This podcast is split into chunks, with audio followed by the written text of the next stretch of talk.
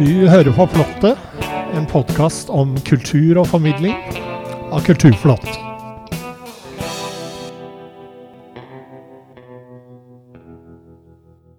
Denne julen har vi besøk av hele 29 artister. De gir oss innblikk i det de liker aller best musikk, formidling og kreativitet. I Flottet har vi også en full adventskalender denne gangen. Hver dag får vi en tekst om mytene ved julen, skrevet og fremført av forfatter, dramatiker og mytolog Terje Nordby. Så her er det mye å glede seg til, folkens. Mitt navn er Bård Andersson.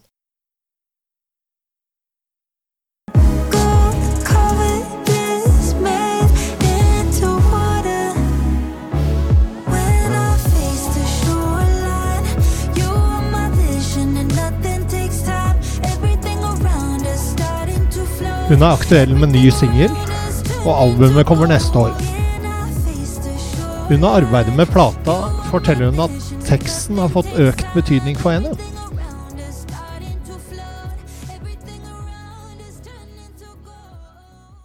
I dag har vi fått besøk av Natalie Sandtorv, kjent som artisten Neon Iron. Velkommen. Tusen takk. Eh, Du er jo aktuell med singelen eh, Gold Covered Bliss. Gratulerer. Takk for det. Kan ikke du starte med å fortelle litt om hvordan den eh, låta ble til? Jo, det var faktisk en av de første låtene jeg gjorde sammen med produsent eh, og låtskriver Ivan Blomkvist. Eh, Vi hadde jobba sammen før på mitt forrige album, Heart Echoes, og så var vi litt gira på å jobbe sammen, bare vi to.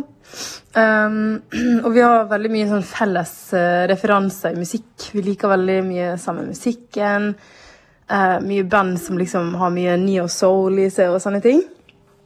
Så vi uh, Ja, vi bare Faktisk, når pandemien slo eh, til, så var vi masse i studio og bare prøvde å lage musikk.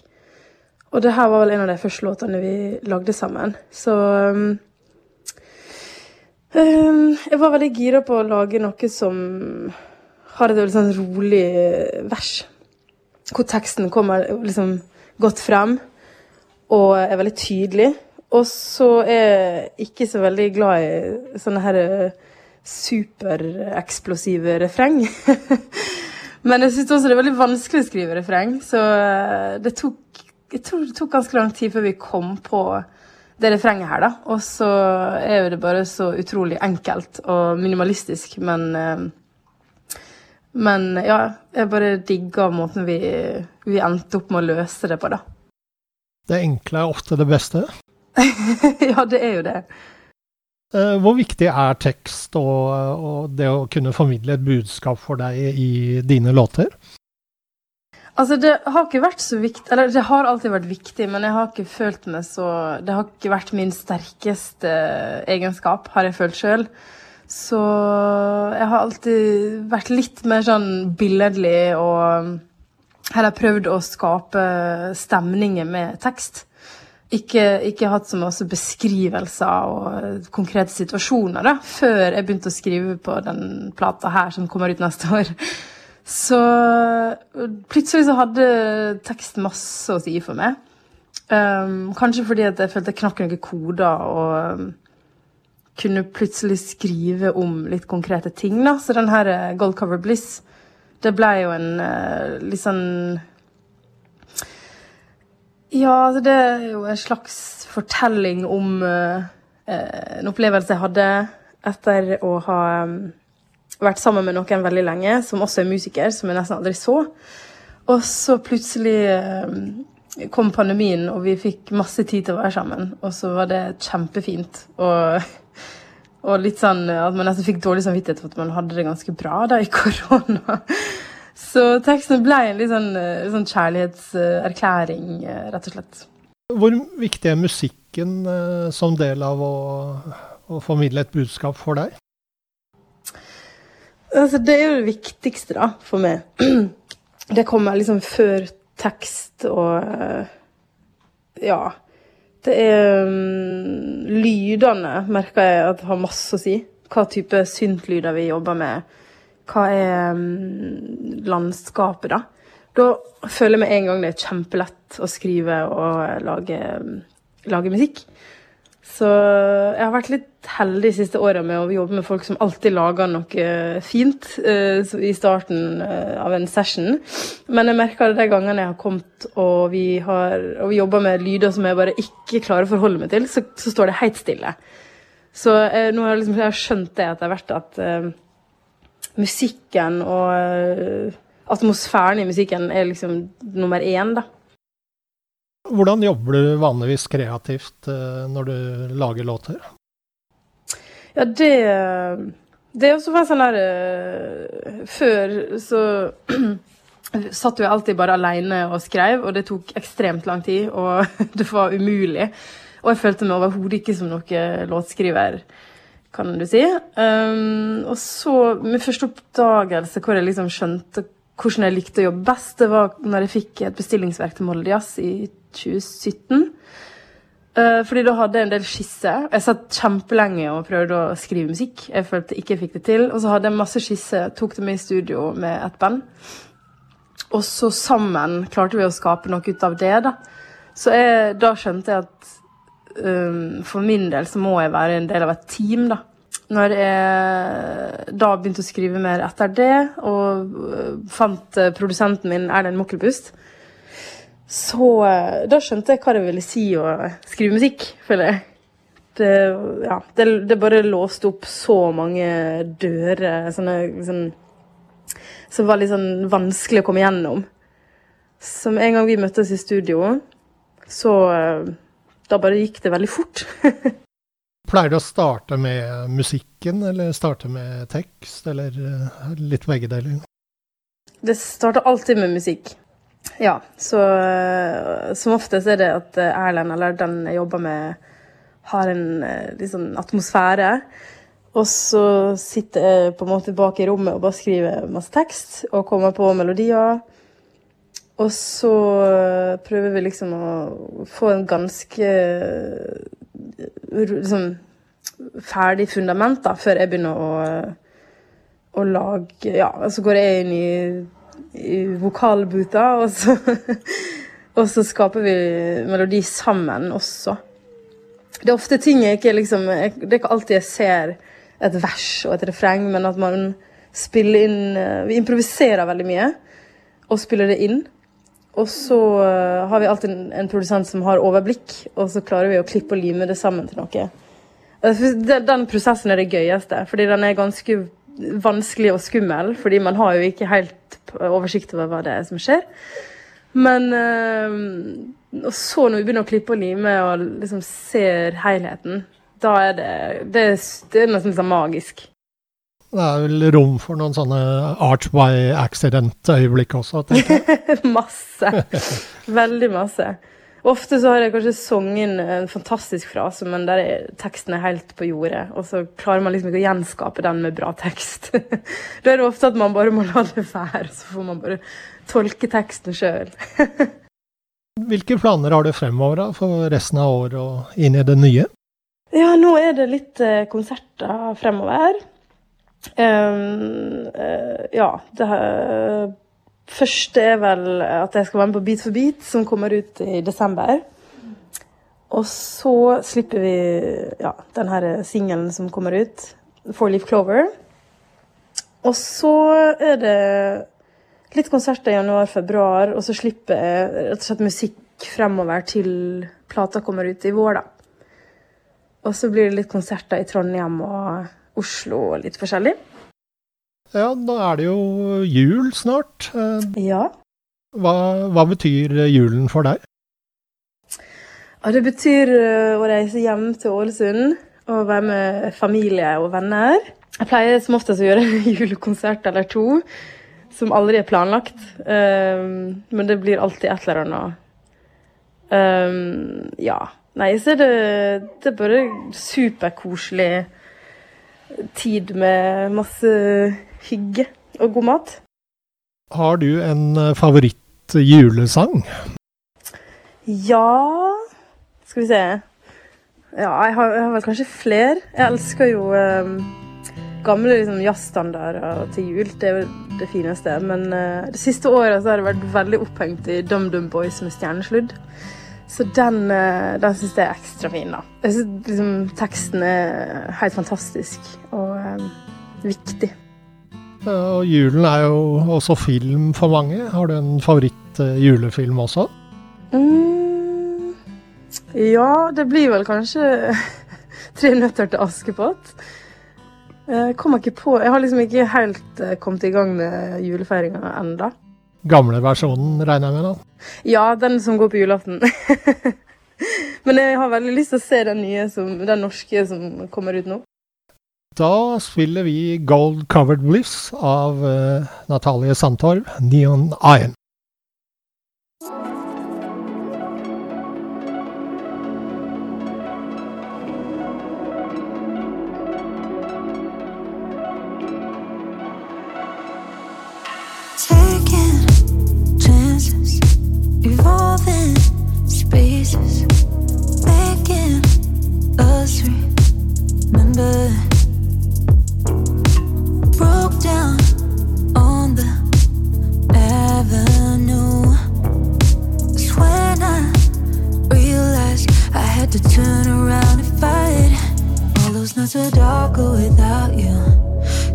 Find my way, I was aimless. When I'm with you, I never feel basic. Now it's like it's stuck in my playlist.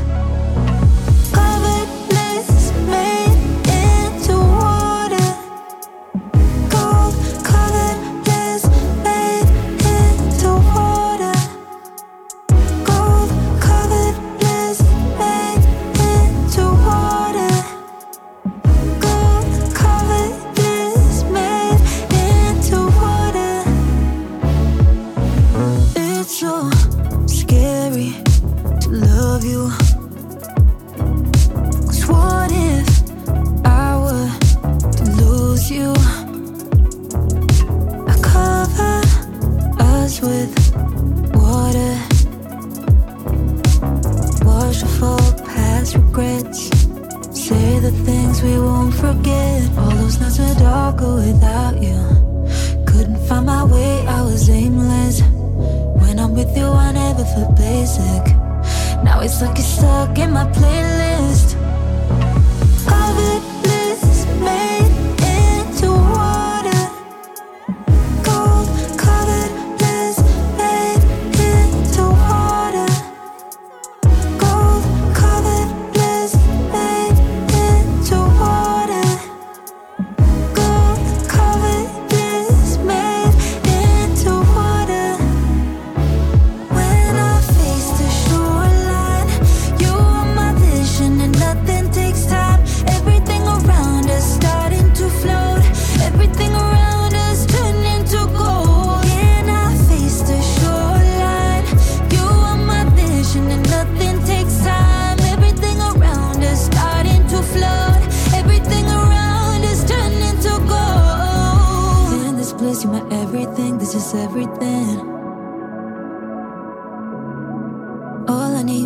I when I close my eyes. In this place, you're my everything. This is everything. All I need when I give in, when I close my eyes.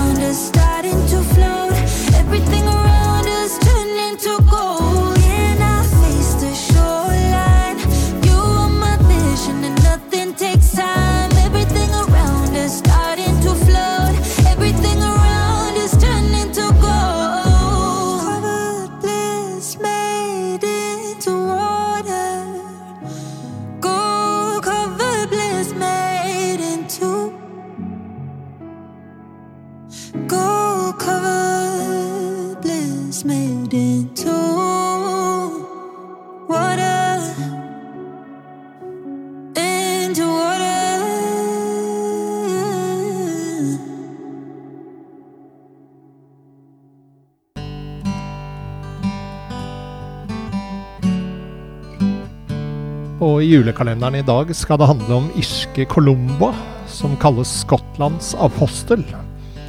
Han skal ha jaget vekk selveste sjøormen i Loch Ness ved å gjøre korsets tegn. Terje Nordby forteller.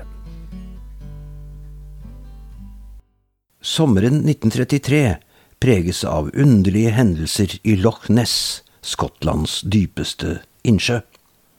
Opplysninger om et overnaturlig vesen i vannet strømmer inn fra veiarbeidere, fiskere og gjennomreisende.